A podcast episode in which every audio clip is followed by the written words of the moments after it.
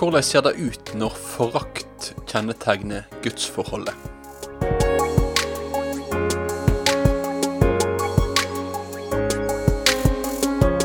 Velkommen til et eh, nytt program av Ord til liv med radio- og TV-pastor Ingvald Kårbø.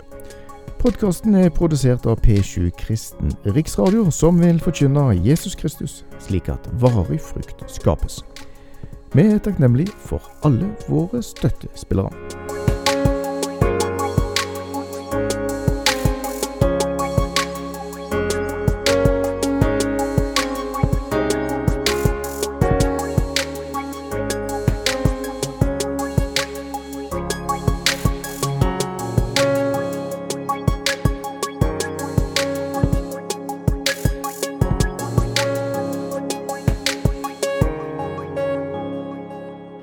Denne serien av Ord til liv så holder vi på å gå gjennom hoveddelene av Malakis bok.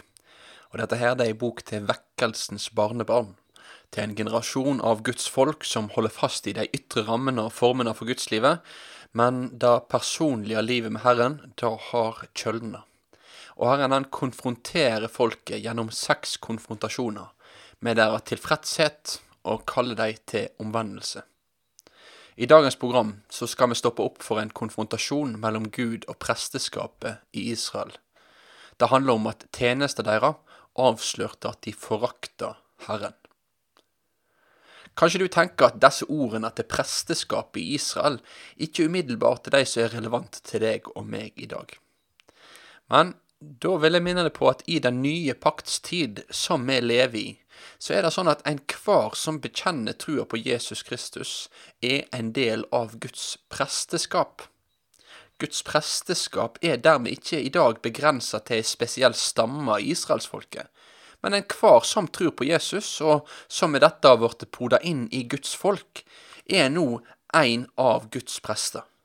Vil du lese mer om dette her, så kan du slå opp i 1. Peters brev kapittel 2 og lese vers 4 til 10. Det å være en prest innebærer at jeg har blitt innsatt til tjeneste. Så du og jeg, som tror på Jesus, er kalla til å være hans prester, til å bære fram åndelige offer. Så når vi leser denne teksten til prestene for litt over 2400 år siden, så kan det òg være et aktuelt spørsmål for oss å stille oss. Hvordan er det med deg og meg? Viser vi forakt for Gud i vår tjeneste for Han?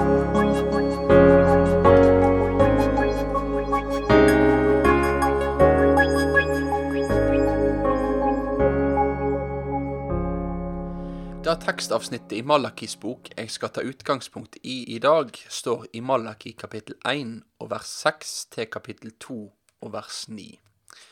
Så avsnittet er litt langt, og derfor så kommer jeg ikke til å lese alt her nå. Jeg skal ta og lese i kapittel 1 og vers 6 til 8, og kapittel 1 og vers 13 til 14. Vers 6 til 8. Ein sønn hedra far sin, ein slave herren sin. Er eg far, kvar er da min heider? Er eg herre, kvar er ærefrykt for meg, sier Herren over hærskarene til dykk, det prester, det som viser forakt for mitt navn. Det sier, hvordan har vi vist forakt for navnet ditt? Det ber fram uverdig mat på altaret mitt. Det sier, på hva måte har vi handla uverdig mot deg? Ved å seie Herrens bord kan vi vise forakt. Når det ber fram et blindt dyr til offer, er ikke det gale? Når det kjem et dyr som er halvt eller sjukt, er ikke det gale? Hva om du kommer slik til stattholderen din? Tror du han da setter pris på deg og tek vennlig imot deg, sier Herren over herskarane. Vers 13 til 14. Det sier, For et strev, og bles av det, sier Herren over herskarane. Det kjem med dyr som er røver, med dyr som er halte eller sjuke når det kjem offer. Skulle jeg sette pris på noe slikt fra dere han, sier Herren. Forbanna er den som fer med svik, som har et hanndyr i buskapen sin, og lover å gi det til Herren, men i staden ofrer et dyr som er skadd. For jeg er en stor konge, sier Herren over hærskarene.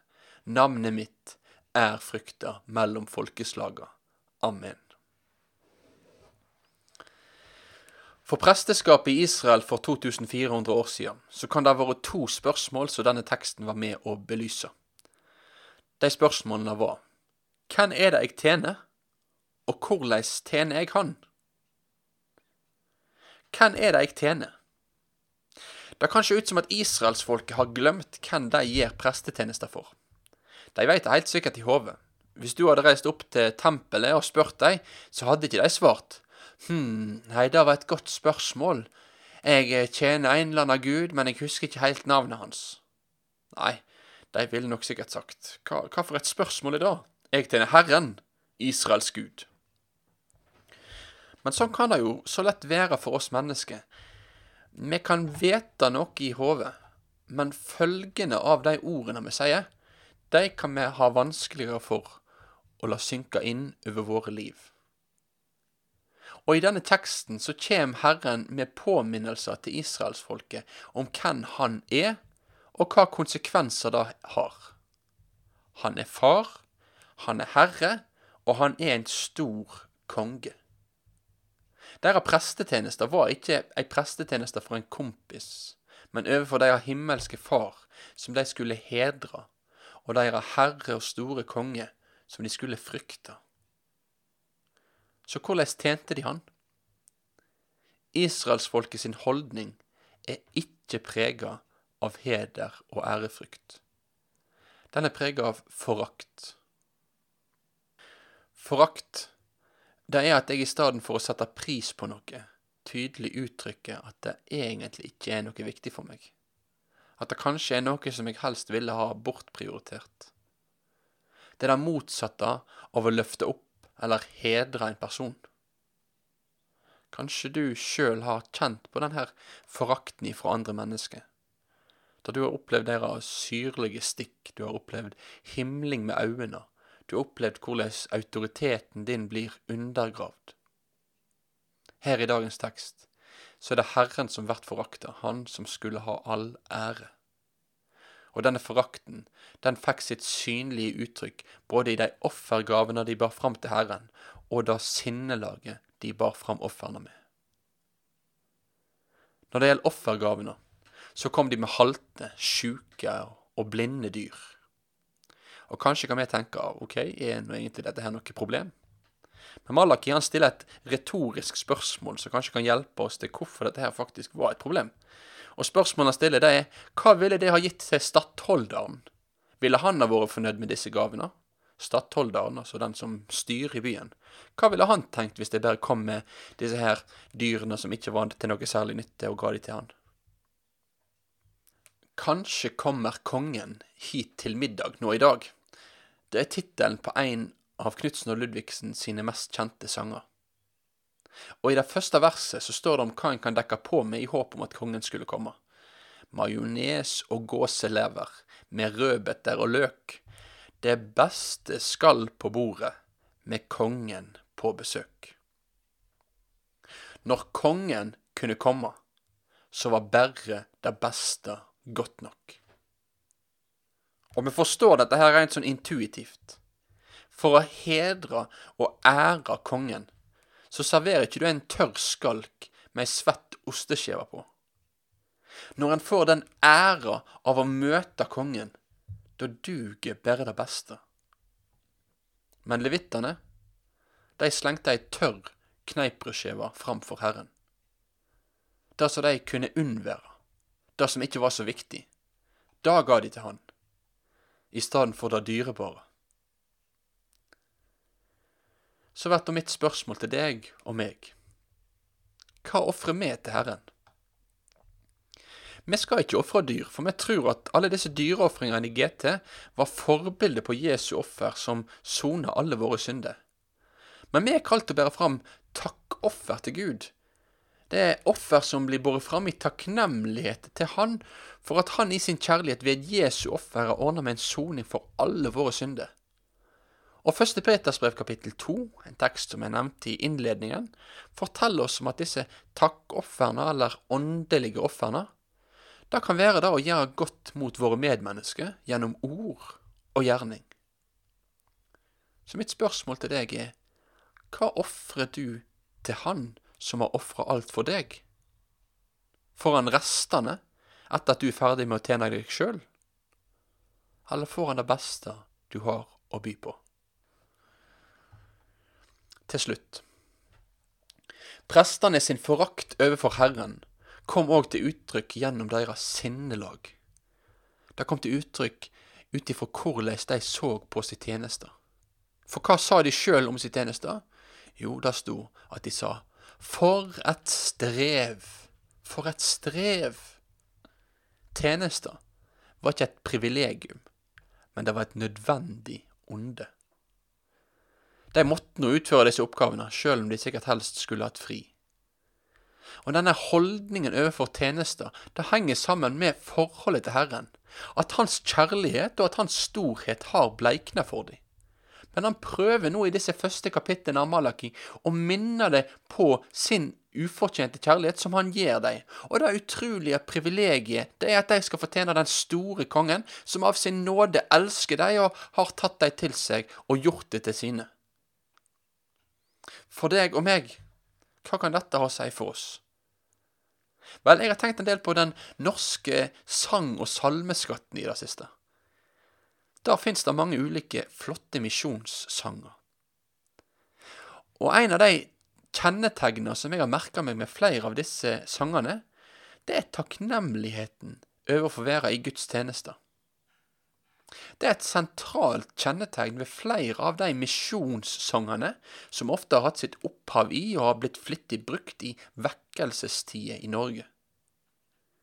I disse sangene her så står det ikke Tenk hvilket slit det er fra Gud at vi må være Hans sendebud. Eller Din riksak Jesus være skal, et strev for meg hver dag. Akk ja, så fikk jeg da ditt kall, og prøver være med. Nei, det står Tenk hvilken nåde det er av Gud at vi får være Hans sendebud. Og din riksak Jesus være skal, min største herlighet. Takk at jeg også fikk ditt kall, og skal få være med. Det er ikke et å, for et strev, men en takk. Så veit nok både du og jeg fra erfaring i kristen tjeneste at det er ikke alle dager der det er like lett å være i Herrens tjeneste. Men sjøl om tjenesten kan være tung og slitende. Tenk at du og jeg får stå i tjeneste hos kongenes konge og herrenes herre. At vi får stå i tjeneste hos Han som elsker oss, som har gitt seg sjøl for oss.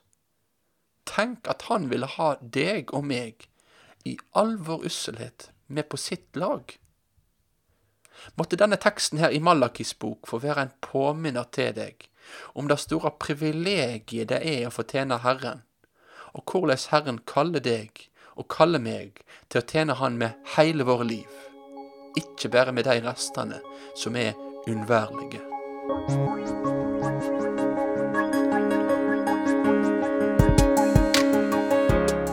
Takk for at du hørte på Ord til liv med radio- og TV-pastor Ingvald Kårbe. Vi håper at podkasten har fått vært til velsignelse for deg. Og Har du tilbakemeldinger på det du har hørt, ta gjerne kontakt med oss på otl krøllalfa p7.no. P7 Kristen Riksradio ønsker med sine produksjoner å gi evangeliefokusert bibelundervisning til folket. Du finner mer godt innhold på p7.no.